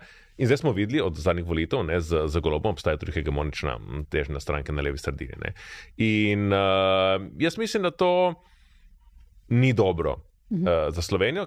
Je pa v bistvu, kako bi rekel način, da to počnejo za koptacijo teh malih strančic, je, je, je, to je najbolj, bi rekel, banalen in mislim, da nima, nima ne, neke direktne posledice. Ne, ne deluje tako, ne, to ni aritmetika. Ne, mislim, mm. včasih je, je uh, eh, SDS plus, uh, plus, plus uh, nova ljudska stranka, kako se imenuje, ima celo negativno mhm. vso to, ne, ne nujno mhm. pozitivne, in seveda golo plus uh, desus ima verjetno še toliko bolj negativno uh, vso to. Ne, tako da ne, ne, ne deluje ta sistem. Ja, tako, pač ne. po modelu, eh, kot je bilo ime une stranke, SLS plus SKD slovensko. Ja, ja, tako je, ki je imela dosti manj kot. Uh, je pa nekaj drugega, ne, kar je mogoče še pomembnejše. S tem si pa uh, oba liderja ali pa obe oblastni garnituri, kaj um, krčita, krčita seznam potencijalnih tekmecev.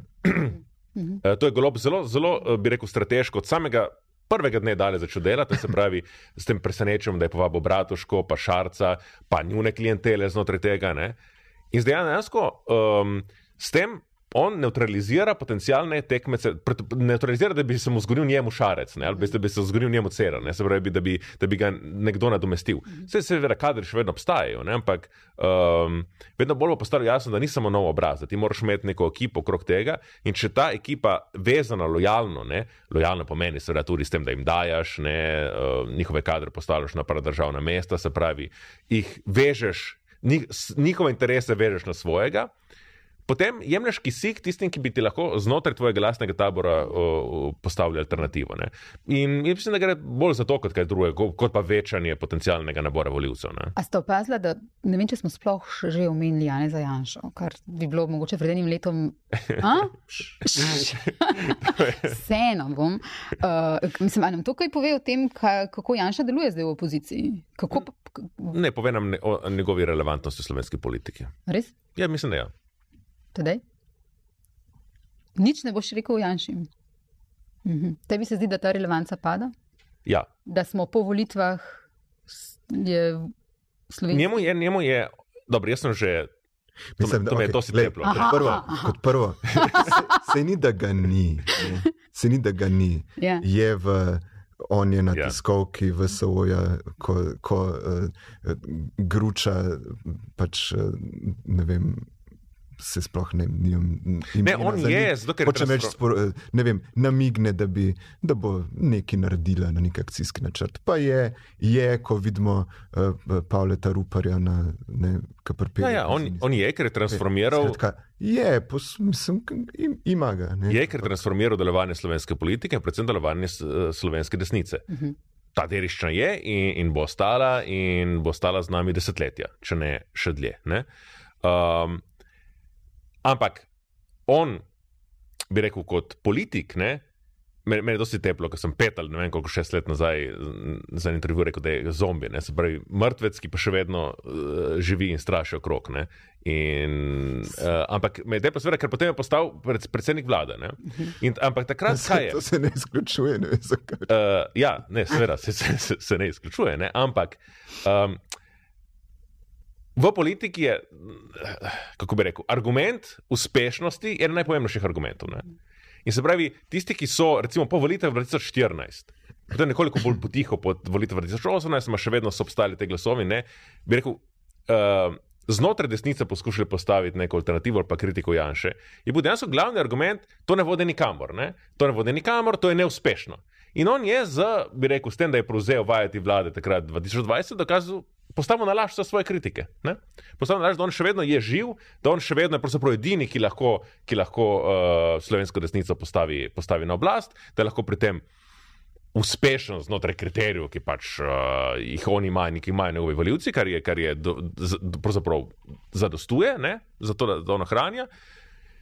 In s tem dejansko si podaljšal življenje, s tem si on dejansko resnično, uh, uč, u, bi rekel, uh, temu političnemu trupu je bilo, je bilo bi rekel, uh, uh, oživljeno je bilo. Ne? Spravi uh, en, ena taka velika, velika doza kisika ali pa, ali pa nove krvi je dobil. Ne? Po, po uh, teh referendumih ne, se pa je vendarle izkazalo, da ja, je v redu, to je neka, bi rekel, opcija zbrana okrog Jana Zajanša, ima neko moč, ki ni majhna. Ampak ima to, kar smo vedno govorili, ne? ima dosti večjo mo moč mobilizacije svojih nasprotnikov in se pravi, je zdaj obsodila desnico na, na, na večno ždenje v opoziciji. In zdaj znotraj tega se je pokazalo, mogoče komu pa to ne, ni tako, ne tako ustreza. Ne? Uh, in to so potem ta potem gibanja, bi rekel, uh, nezadovoljstva in kremžene znotraj NSA, ki pa so še vedno daleč od tega, da bi postavili neko jasno in kredibilno alternativo tej, tej politiki. Okay, govorili smo prej o Robertu Golobu, nekaj smo rekli tudi o Janezu Janši. Um, kaj pa uh, recimo. Urška Klakočar Zupančič, kot, kot, kot predsednica državnega zbora, o kateri zadnjič nismo nič rekli, smo pa nameravali, ker nam vedno zmanjka časa. Um, ena glavnih političark uh, v gibanju Svoboda, um, ko je dala tisto izjavo, naš Miha Orišnik je vprašal glede uh, vožnje s Falkonom. Um, Na Dunaju. Um, In je ona rekla, jaz se strinjam, da je izjemno pomembno vprašanje to, ki ga je treba nasloviti. Danes pa niče izmed nas ne more več potovati brez ogličnega otisa, razen če se bomo odločili, da bomo vsi potovali s kočijami. Uh, pa še takrat bomo imeli. Pa še takrat eh, bomo imeli min, vsaj minimalni otis, ja, mislim, da nekako tako. Uh, Tadej ti si rekel, takrat si napisal, ne bi preveč kompliciral, to je za odstop.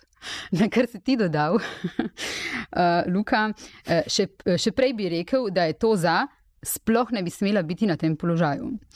Zdaj, to je hkrati ženska, uh, ki zaradi tega, ker je ženska, dejansko doživlja ful seksističnih napadov. Mm -hmm. to, to moramo povedati. Uh, skratka, čim se ona pojavi, so uh, pač nespodobni komentarji, žalitve na to, da je ženska, grejo na njeno osebo, grejo in tako naprej. Uh, Ampak to moramo ločiti od vsebine in bomo ločili od vsebine in o vsebini bomo govorili. Torej, zakaj, ne, zakaj se vam zdi slaba predsednica državnega sveta? Ja, ne, nisem, mislim, nisem niti tega rekel. No. Mislim, rekel sem, eh, odstopiti bi mogla zaradi te izjave, uh mhm. -huh. ampak to je eh, pogojnik, skratka, bi morala. Uh -huh. uh, mislim, to je za odstop, da tako zdaj rečem. Za odstop bi morali biti, za odstop pa ni. -huh. Ampak ne zaradi, uh, zaradi njenih kvalitet, slabih, dobrih eh, predsednic države. Ne, tak, taka izjava bi morala biti javno prepovedana. Uh -huh. V tem času bi morala biti prepovedana, leta 2022, 2023, pa že tudi 2010 bi morala biti prepovedana. Enostavno ta neka, eh, ta neka ideja, to, to kar, kaj, ti, kaj ti to pove, ta izjava. Poveti, da ne samo ona, ampak očitno cel ta, pa ste ti imaš te vlado s predsednikom vlade, ki se je promoviral kot v končni fazi kar močan, nek okoljski, ne, še v času prej. Kot, tako naprej, mislim, se načeloma spozna, ve, za te stvari ni popolnoma od tem daleč, eh, ne, da, da bi bil neizobražen, ampak se pravi, ta kolektiv gibanja Svoboda očitno nima ugrajenega tega pač okoljskega, podnebnega momenta na niti približno pravi način. Skratka, na način, da gre za pač izredno, izredno stanje, da gre za emergency, da, pač, da se ni več za, za hecati. In zato so take izjave, se ne gre zdaj. Da, um, ne pa se reče, ja, lepo dušniško, pa ne vem, kaj se drugi pa tudi letijo. Ne, ne gre za misel, tukaj pač to nekaj šteje. Enostavno se, se ne more, ne more pač reči. In, in vsaka, kako rekel, vsaka, vsako pojasnilo je šlo, je šlo huj, je Ja, šlo ja, dlje. ja, ja, ja. Ne, in v tem je vas problem. In to, je- to je tudi ena od teh lastnosti, ki je pa uh, tudi za to, za to eh, oblastno strukturo zelo značilna in je vedno bila v resnici za te za, uh, liberale značilna. Ta neka, um, kot prvo, um, neka čudna vzvišenost. Nad, če, če ne gre ignoranca, bom pa odgovoril tako, da bom, da bi ignoriral vprašanje. Uh, to je ena, ena zadeva. Um, um, druga sem zdaj pozabil, ampak če se, če se vrnem k temu. Skratka, um, zdaj da rečemo, uh, mora bi biti za odstop. Skratka, ja, zakaj? Tega, ker oni nimajo teh uh, prioritet postavljenih. Skratka, to je, to je čisto ena ta zadeva. Um, mislim, to, da, da v končni fazi vsi argumenti, ki so še pol kasneje, ki so bili, češ, nisem bila, uh, nismo bili tam Šla zaradi sem tega, na ker bi mo- koncert, ampak nisem uživala. Ker bi, ne, ker bi morala potem, ker so me Avstrijci prisili mene in mojo ekipo, da v, v najdražjem hotelu na Dunaju spim. Uh, to se je pa govorilo, nisem več spil. Ja, pač, da so plačali češ. Prenočišče in so kot, kot da zahtevali, da tudi njeno spremstvo tam biva, ampak na lastne Smo bolj stroške. To bi bilo, to bi bilo preveč, ne bolj poceni, ampak na drugačen način mm -hmm. uh, dražji, bi rekel, uh, manj, manj luksuzno, manj, manj, bolj samoumevno. Ampak tukaj zmer izpade ven, preprosto, a jo lahko nekdo vpraša, mislim, a bi jo lahko sedaj že pač pozabimo, ne, po eni strani. Ampak, a je bila cesta zaprta? Takrat, mislim, mi, za, ne, mi ne zahtevamo, da gre z vlakom, noben je tega zahteval, zahteva se, da se gre z, mislim. E, Nismo nažalost tam, ne, Nismo nismo nažalost tam, tam, ja. ampak glej, ne, bomo se, mislim, ne bomo se delali pač uh, hujše uh, svetohlince kot ne. Ampak Kot smo. Ja, mislim, ampak ho- hočem reči to. Ne, um, ona je, ona, to- to, vedno je predstava v smislu, morala sem iti z avionom nazaj, morala sem iti z avionom nazaj, ker sicer bi morali prespati na Dunaju. Kaj, ker, ker ob devetih zvečer uh, zaprejo eh, mejo na Šentilju, ali kaj, mislim, v čem je fora? Ne, ne, to pa ne, prav resno, mislim, in tega odgovora Ja, nismo dobili. Ja. In, in, pač, da se, in to je meni, da, se- da se na ta način, uh -huh. da se na ta način lahko iz, počasi izmuzneš in potem uh, na, tudi, vse to je zadnjič, ko se je oglasila, je bilo mislim, da na, v parlamentu tam z unimi uh, nov, z, z začetico novinarjev, ki so to sprašvali, pa kako, ja, ne me več tega spraševati, no vse smo vse povedali. In tako, kot češ, hej, nisi odgovoril na vprašanje. No, še, še ena od takih tem eh, pri Urški Klakočar Zopančič, ne, ki jo nekako bi bilo treba vedno znova opozarjati. Urška Klakočar Zopančič, uh, tako kot tudi Marta Kos, uh, takrat, ko je, je bila še v Gibanju Svoboda, um, nista imeli uh, nobenih problemov s tem, da Gibanje Svoboda podpre Zorana Jankoviča na uh, lokalnih volitvah. Mi smo jih to vprašali Mhm. uh, in takrat oni dve, nobena od njih ni v tem videla problema, kljub aferi farmacevtka in, in tako naprej. Ja, ne. ja, so Um, višji, višji razlogi. Ne. Ja, ampak hočem reči, kljub temu nekemu poudarjanju, zdaj celo najprej je Urška Klakočar Zapančič. Um, Se ni imela za feministko, tako kot tudi Nataša Pirc-Musar, to so zdaj popravili, moram reči, in uh, vse spoštovanje, da nekdo popravi ali pa se nekaj si prebere, se da poučiti. Um, sta to popravili in za nacionalni radio rekli, da um, sta feministki. Um, ampak mi imamo tukaj dejansko, ne, vprašamo žensko, ki je zdaj predsednica državnega zbora. Uh, O podpori Zoranu Jankoviču, omeni novinar afero farmacevtka in reče, da s tem nima težave. Skratka, to so mogoče celo hujše stvari kot uh, kočija, ne, oziroma ta izjava. Ja, Meni se zdi, da pri ja, tej no. izjavi no. kočija je bilo tako kot pač dobesedno res kot um, Marija Antonieta, čeprav nima Marija Ja, no, rekla pač potice, ne, ampak Ne, se problem je v tem, ker spet, ne, se, kot vedno, problem je bil, da ni v, celi, v, celi, v celem tem kolektivu, da so presodili, bolje se je zgovarjati na ta način, kot reči, ja, no, se res je bilo, res je bilo narobe. Ne, ampak ne, tukaj, če, če govoriš zdaj, kritika uh, Jankoviča, ne, oziroma da bi se moral ja, zaradi, zaradi tega absolutno se že postaviti. In um, če, če uh, vzamemo širše, ne to, kar se feminizem vendarle, za kar si del katerega gibanja je tradicionalno bil, um, gibanja za enakopravnost in za, za, vem, za preprečevanje tega uh, š- šovinizma vsega tipa in nekih pre, in aroganc od zgori vsega tipa, se vidi, kar se zdaj dogaja v, v, v mestnem svetu, da rečem v praksi. Um, ne ne, eh, ne zlorabiti tako, ali pa take eh, zadeve, kot se domnevajo pri eh, aferi farmacevtka, karkoli. Uh, ampak v bistvu um, mehanizem, kjer um, namest, da, da, um, da rečem tako, ne, namest, da bi um, šefe poslal ženo v kuhno, ne, um, se zgodi to, da, da, reč, pa, da reče eh, tihbot, ne, ne govor več. To rečejo pač um, mestni svetniki, eh, Jankovič in Gibanje Svoboda, Drugi rečejo mestni- opoziciji. Ja, mi smo svoje povedali, jaz sem zdaj povedal. Ti ne boš več govorila v tem smislu. Mislim, da rečem zdaj strukturno, če, če umestimo feminizem v nekaj smiselnega, ne? da ni feminizem nujno to uh, postavci uh, kip ali kaj svojega štikla v pisarno, jaz ne vem, kaj to je. A Ti, veš, Kaj? Ste- opazili to? a, ta čevelj. Ja, čevelj, ki je opisan, kaj je to? Hočeš reči, da uh, ne vem točno, kaj. Ne, kaj, v- kaj v- zadnjič je bil ja, intervju- Videla sem fotografijo. Na, na neke. Ja.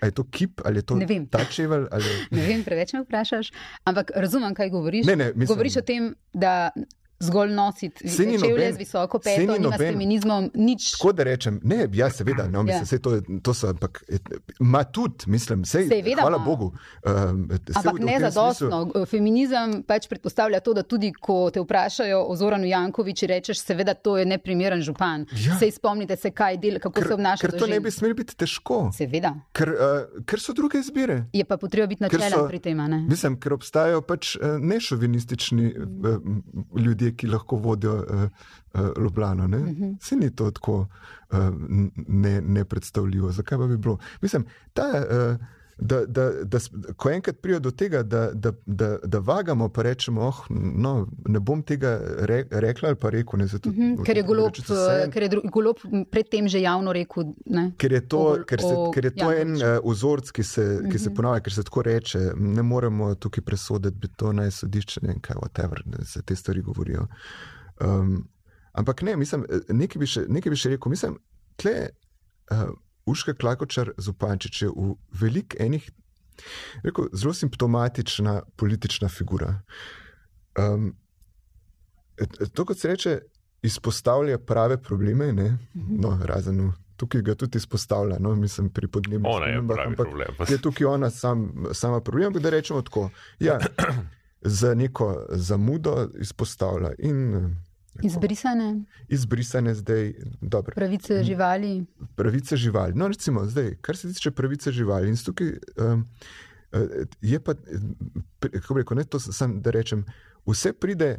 Pravilno, ampak za neko strukturno zamudo in z nekim dodatkom, ne vem, ali je to dodatek Lucije Mulej, ali je dodatek Roberta Goloba, ali je dodatek nekaterih struktur. Skratka, pride majsti z nekim tem čudnim. Um, Rekel, gradimo en kolektiv enih skromnih ljudi, ki so pa hkrati zelo močni in, in, in, in odločni in bi radi spremenili vse, kako koli.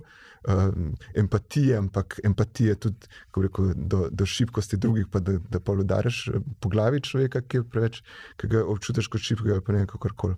Ampak recimo pri živalih. Zelo simptomatično je to, pa da rečem limita. Njeno zauzemanje za pravice živali je super, blazno, ne. Ampak, um, ko se je pojavil na preširnovi proslavi ta nagačen zajec. Ne, um, Pa si ti imenu. evo. kako? Pa si ti imenu. evo. Ja, seveda. No, uh, nagačen zajec, ki je bil v celi proslavi edina, rekel, praktično edina stvar, ki je bila zanimiva. Um, mislim, bolj zanimiva od govora, no, kako koli. Hočem samo to reči, tukaj limita. Sej ni, uh, Urška Klakočar je rekla, da to ni kultura. Ne? Skratka, da je nagačen zajec kot lutka, mislim, uh, v smislu uporabljen za neko, na neki državni proslavi. Ja, Sam da pova, pojasnimo, ja. če mogoče uh, poslušalci pa poslušalke ne vejo. Um, Matjaž Farič je potem pojasnil, ne, da je to, ta zajec nagačen že nekih, mislim, da več kot deset let. Ja, se najbrž, del... se naj, se najbrž ni, kako rekel, ni šel Matjaž Farič v, v hosto prejšnji dan, pa zajca ustrelil. No, ja. No, mislim, ja. na, ne, mislim, ne, ne gre to tako. Ne. Pa v končni fazi me zanima, kako, koliko strela bo ta vlada dovolila, pač, ne medvedov pa volkov, ampak počakajmo na to. Um, ne, gre za to, da, da, da, da res hočem biti tukaj jasen. Skratka, jaz razumem uh, prvi vzgib uh, ljubitelja živali, človeka, ki ima empatijo do živali, da mu je to problematično. Uh mhm. -huh. Ampak. Um, Če se ti zares zavedaš problema človeškega odnosa do živali, uh mhm. -huh moraš sprejeti tudi možnost, da je morda sporočilo malo drugačno. Mhm. Pa je to prebrati v predstavi. Ja, pa se ni treba samo vprašati, samo imeti toliko uh, tega, da. da um, Vse to, uh, kako rečem, uporabiti, malo škandalozen uh, moment na, na odru, vse to ni nekaj novega. Ti moraš vedeti, da je pač to umetnost. Mislim, ne, da, da tako rečem čisto. Da rečem, jaz lahko uh, uh, kakšno uh, Pirkovič proslavo pač iz prve kritiziram in ne bom rekel, u bom počakal, ker mogoče je nek subverziven moment, ki ga jaz ne vidim. Vem, da ga ni. Uh, pr, pr, predstavi, ki jo naredi Matjaš Farič, je mogoče pač zadeva. Najbrž reči, to je vendarle pač umetnost, ne vemo. Sporočilo je lahko tako drugačno. In če ti rečeš, ok, tukaj imamo uprizorjeno neko fake naravo, pa, pa nagačenega zajca, pa ne vem, kaj se tam premika, človek ga upravlja, ne vem kaj. Se to je. Bog ve, kaj to pomeni. Ne, ne vem, mislim, naj si vsak to razlaga, seveda zase, ampak tisti, česar ne moreš reči, da, da, da eh, poslušaš tisti prvi vzgib, mm. ki bo rekel, to je pač, to ni kultura. Zaradi tega, ker uh, to pomeni, da boš ti, um, kaj pomeni? Pomeni, da boš ti uh, morebitno strukturno sporočilo, ki ga neka taka zadeva umetniška daje, da boš za njega slep in da boš šel z avionom na Dunaj. Mhm. In predstava naj bi govorila in, točno in o tem, o našem odnosu do ja, ja, ja. okolja. Ja, no. In, in uh, mislim, da je rekel. Užka Klakočar Zupančič pač ni oseba, ki bi se tukaj lahko oglasila zaradi tiste izjave. Uh mhm. -huh. Luka? Ja, jaz, ko sem poslušal to, ne, um, z večino česar se strinjam, z nekaterimi podarki zelo, recimo kar se tiče Jankoviča, je bilo tako zanimivo. Ne, a ni vse ta vse te izgibe, ki jih ima Urša, Urška Klakoča, Zupančič in ljudje, ki jo branijo, zelo pomembno. Ali ni tukaj dinamika zrcalna temu, kar se ponavadi očita desnice okrog SDS-a? Mhm. Se pravi, ta reakcija na umetniške performance na prvo žogo, mhm. ta filistarsko zgražanje v imenu nekih um, zelo, zelo nekih, nekih vrednot, ki so potem zelo, zelo na trhlih nogah. Ne. Neka oblastniška aroganca, uh, nek prezir do povsem legitimnih novinarskih vprašanj, ne, mogoče celo premalo milih, ne. neka pripravljenost, kako bi rekel. Um, Razglašanje nekih vrednot, recimo feminizma, in tako dalje, in potem istočasno popolnom, popolnoma, uh, bi rekel, neupoštevanje teh vrednot, ko gre za nekoga izmed nas, ki je del naše klientele. Tukaj, kako bi rekel, meni se zdi, da tukaj, če, če kritiziramo neko politično kulturo janšizma, tako rečemo, jaz tukaj vidim transpozicijo. Ja, je, je, je, je v bistvu je zrcalna podoba tega. Z nečem več. Ne? Ja, res je to, kar si rekla na začetku, da uh, Urško Klakoča Zupančič po krivici in grobo in vulgarno in prostaško napadejo zato, ker je ženska. Uh mhm. -huh. Kar je nespremljivo. Tudi iz tega naslova. In tudi, ne, tudi njena politična stališča potem kritizirajo na, na način, ki je še bolj seksističen in še bolj prostaški, kot je, kot je že, že tako prostaška slovenska javni diskurs mhm. -huh. postal. Ne? In potem obstaja neka skupina ljudi, ki brani Urško Klakoča Zupančič, zato ker drugi napadajo. -huh. Uh -huh. Se pravi, uh, zato ker ker jo ta desni sovražijo in ker jo tako zelo sovražijo, zato ima ona prav. Ja. To se mi zdi. Kot da ne bi To- smeli biti zdaj kritični mi do njenih Ja, ma to, spornih a ni to stvari. natanko ista dinamika. Ni, mislim, potem ona na tem, ker je zelo inteligentna. Gr takoj ugotovila, in potem se je zaradi tega ona postala feministka. Ne zato, ker je bi doživela neko, neko zdaj uh, razodetje in šla brat, ne vem, Simone de Beauvoir in ugotovila, da ona pravzaprav to verjame, ampak ker je ugotovila, aha, se to pa dejansko je moja največja politična, politični uh, rekel, kapital, ne? da v bistvu, kako bi rekel, izkoriščam to, da me drugi sovražijo. Da parazitiram na tem, na tem bi rekel, na tem, ja, na tem uh, uh, polarizirajočem sovraštvu. A ni, natanko, to, ni to natanko v bistvu gesta Jana Zajanše? Eh, Ne, se pravi, jaz, zdaj, jaz vem, da me drugi ne, prenes, ne prenašajo, da, da ne marajo moje politike po eni strani, ampak tudi mojega karakterja in tako dalje. In bom to v bistvu obrnil svoj prid. Se bom prikazoval kot žrtev krivične, krivičnega, uh, uh, bi rekel, uh, kaj zvem, krivičnega tretmaja v javnosti, ki je marsikdaj bil res tudi zelo krivičen. Ne? In to je. Se na tanko isto počne Urša Klakar Zupančič. Na tanko na tej identitetni politiki igra. In tukaj imamo opraviti z nastankom natanko, natanko te v bistvu identitetne politike na levici ali pa na, na, na levo-liberalni levici, ki posnema, ki posnema v bistvu um, diskurs, diskurs, ki je v zadnjih 15-20 letih, karkoli hočete, ne, uh, v bistvu pre, prevladal na, na, na, na resnici. Jaz tukaj dejansko. Uh, ne vidim bistvene, bistvene, bistvene razlike. In, in zlasti, recimo, ljudje, ki branijo Rusko Klakor za Panče, bo še enkrat ponovil, se mi zdi, da imajo natanko iste vzgibe kot tisti, ki, ki na, na vse pretege uh, branijo Janez Janša, pa druge izpostavljene like na desnici, tudi kadar si tega absolutno ne zaslužijo. Ne? Ker je ta element, ne, uh, oni jo sovražijo, se pravi, mora imeti prav. Ne?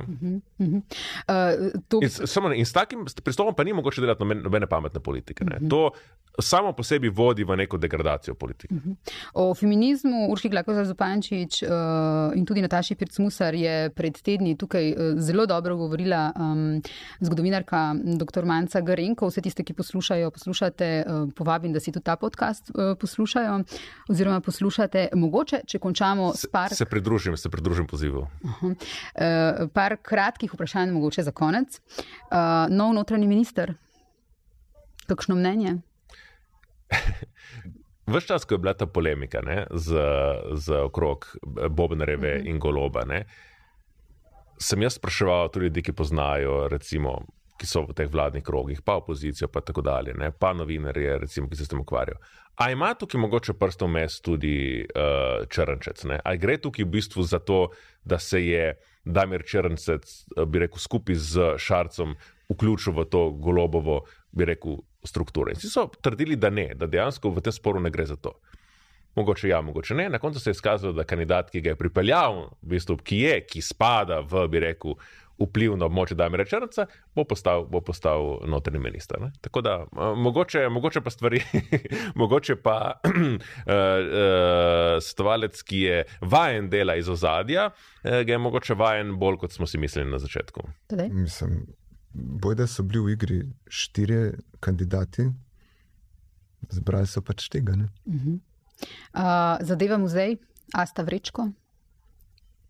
Uh, kaj konkretno? Uh, konkretno, kako vidiš tukaj njeno vlogo, oziroma uh, mislim, da na zadnjem podkastu tukaj si rekel, da je ona tista, ki izstopa v pozitivnem uh, pomenu, recimo tudi vizavi Luke Mesca, ki. Kot si takrat rekel, se v bistvu zliva z uh, Robertom Golobom, nekako Ja, ja, sem zdaj ne, parafrazirala, nisi ja, tako čisto. Ne, ja. um, kako je odigrala, oziroma kako se je izkazala v tej uh, zadevi? Ne, mislim, tukaj je pač seveda bolj kot ne po slučaju, pa še na, mislim, odrezali se tako, kot se pač čov, ko, ko, ko mora rešiti temo, ki je zares iz njegovega področja. Pač bo, mislim, bo, tle, uh, bo tle seveda lahko veliko bolj suvereno pač, uh, nastopila. Ne? Um, ne, včeraj sem poslušal čisto slučajno malo eh, tiskovko, ki so jo pripravili v, v SOJ-u, strokovnjaki uh -huh. o tem muzeju, pa kakšen naj bi. Kakšen so, ga, so si zamislili, to poslušaš, to je res ena žalost. Mm -hmm. Zaradi tega, ker uh, oni, uh, edini argument, praviš, mislim, bila je eh, strokovnjakinja, ne, nisem, ne poznam, je, moram reči, ampak kot strokovnjakinja nastopa, ni pač ki je razlagal o tem, kako se zamišlja ta muzej, verjetno, ker sem nekaj na sredi začel gledati, uh, kako se zamišlja muzej, pa pa govori, da to bi bil prostor srečevanja, pa da bi bile neke interaktivne sebine, pa da bi lahko mogoče imel takšen video na, na, na zahtevo zbirati, pa bi poslušati te neke zadeve, pa tako naprej. Pa tako si, si rekel, joj, mislim, razlaga, kaj je muzej. Ne?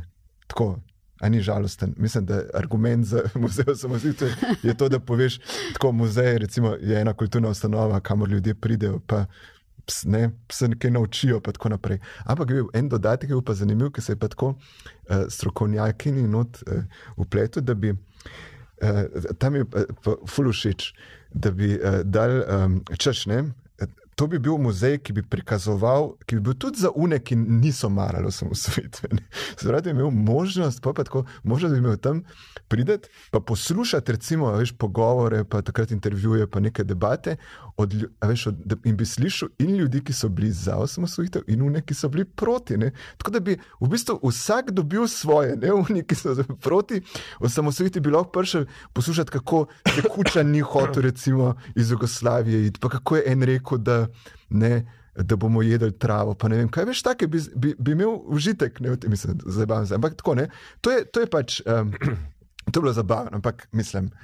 Zdaj nisem šel mim, ker sem uh, šel peš in sem to hišo od zunaj videl. Pač to je, to je, oh, no. Ja. Máš ti kakšno misel? Um, Ker imam še zadnje vprašanje. Jaz mislim, ali pa upam, da muzej osamosvojitve bomo še kdaj dobili, upam, da bomo dobili marsikateri muzej, ki, ga, ki bi si ga želel, recimo uh, muzej izseljeništva, uh mhm. pravzaprav se o njem že dosti časa govori. Ne vem, jaz mislim, da, da muzej v Sloveniji pravzaprav manjka, da imamo zelo veliko gradov brez osebine in, in stav brez osebine, tako da jaz uh, upam, da preslej uh, bo in da bo zastavljen drugače.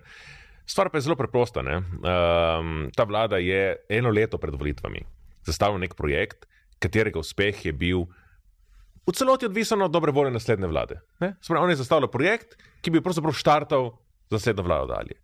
In če ti zastaviš nek projekt tako in brez da iščeš, dejavno iščeš konsens tistega, ki bo moral potem tvojo idejo speljati, potem se nimaš kaj pritoževati, da, da ni uspel.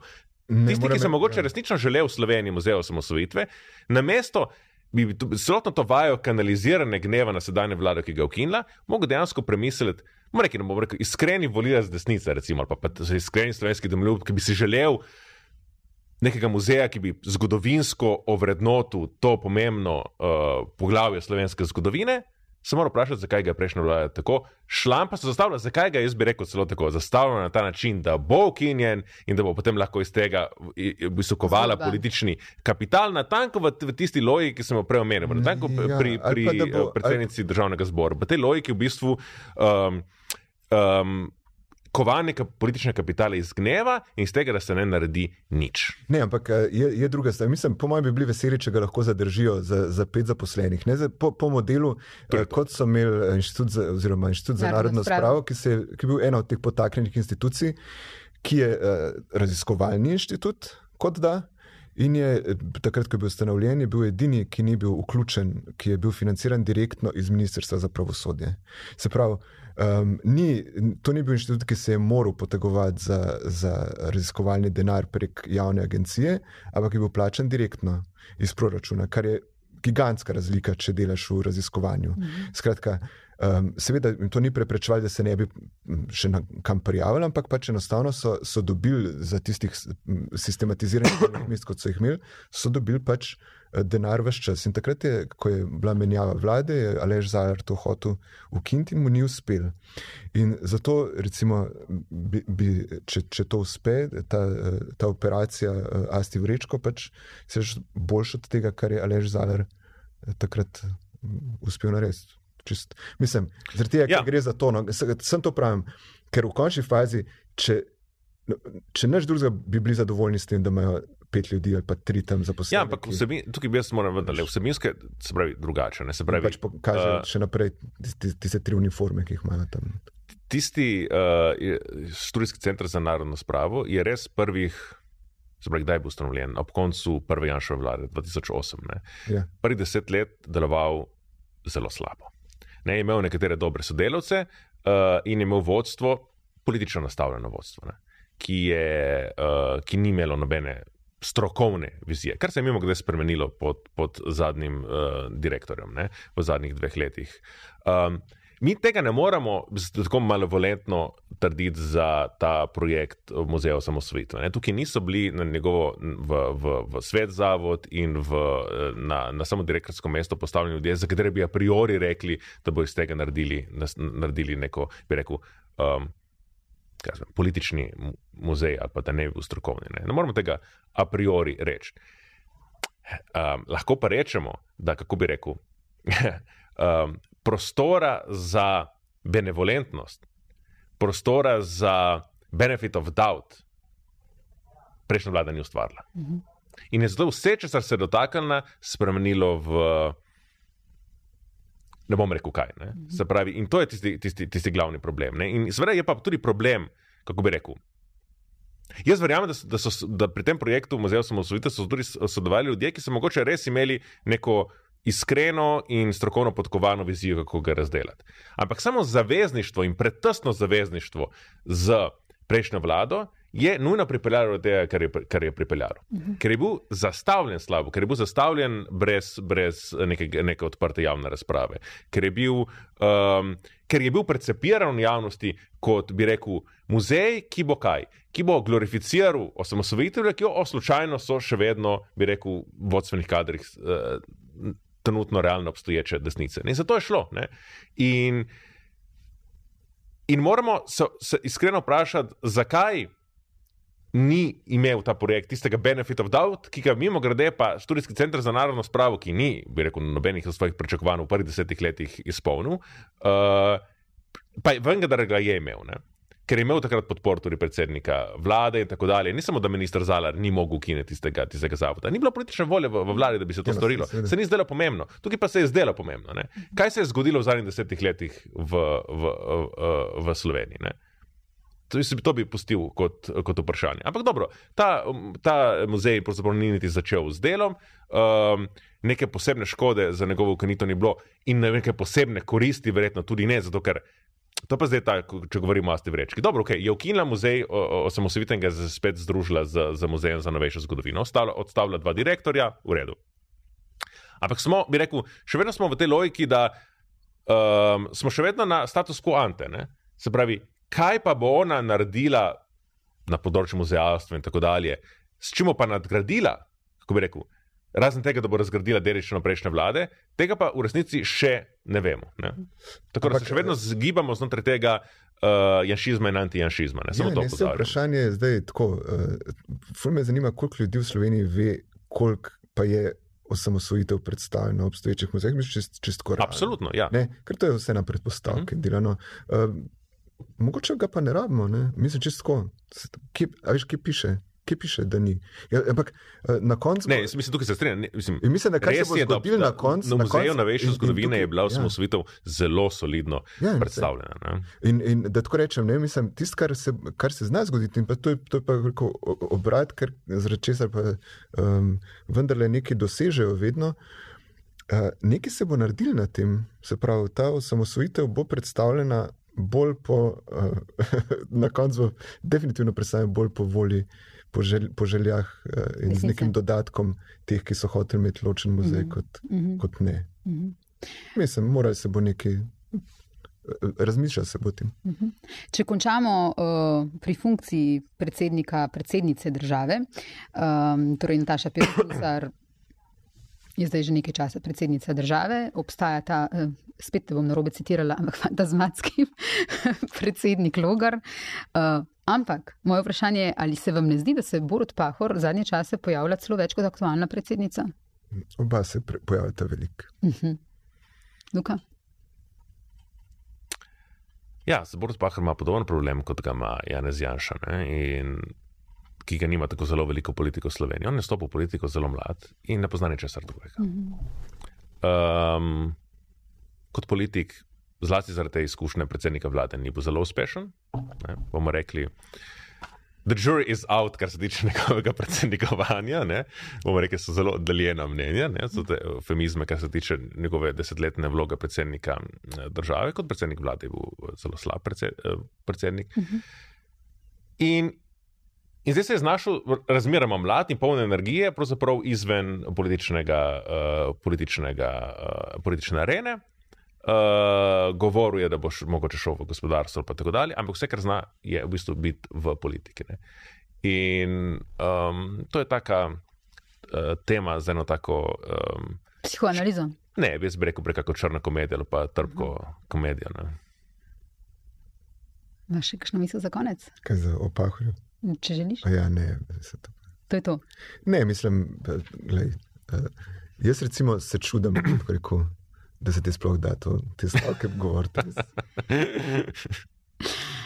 Ker, mislim, da se tle, tukaj je res veliko vprašanje. Je, um, se strinjam, ne, opa, opa, opa, mislim, vse je pravilno, se, da ne bo pomote. Ne. Mislim, vse je pravilno. Mar se kaj pravilno, uh, uh, kar govorimo včasih, se pa res zdi, da, da nas to malo preveč uh, potegne.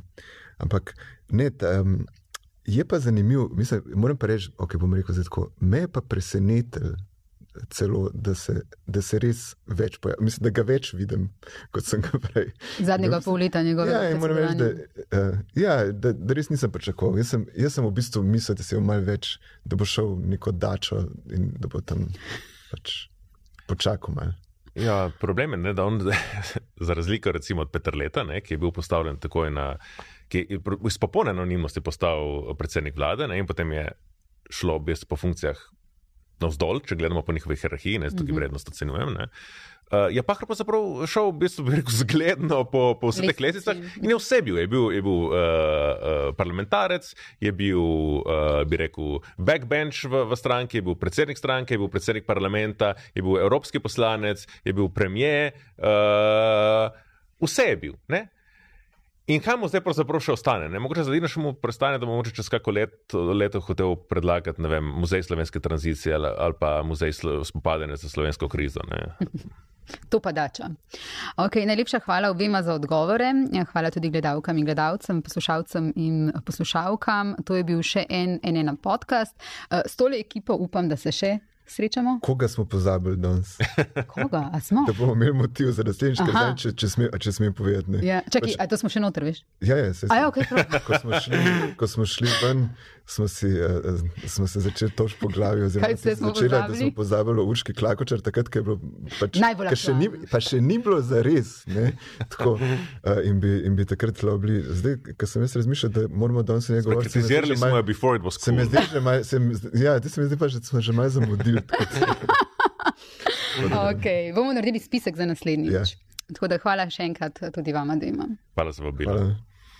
Konc.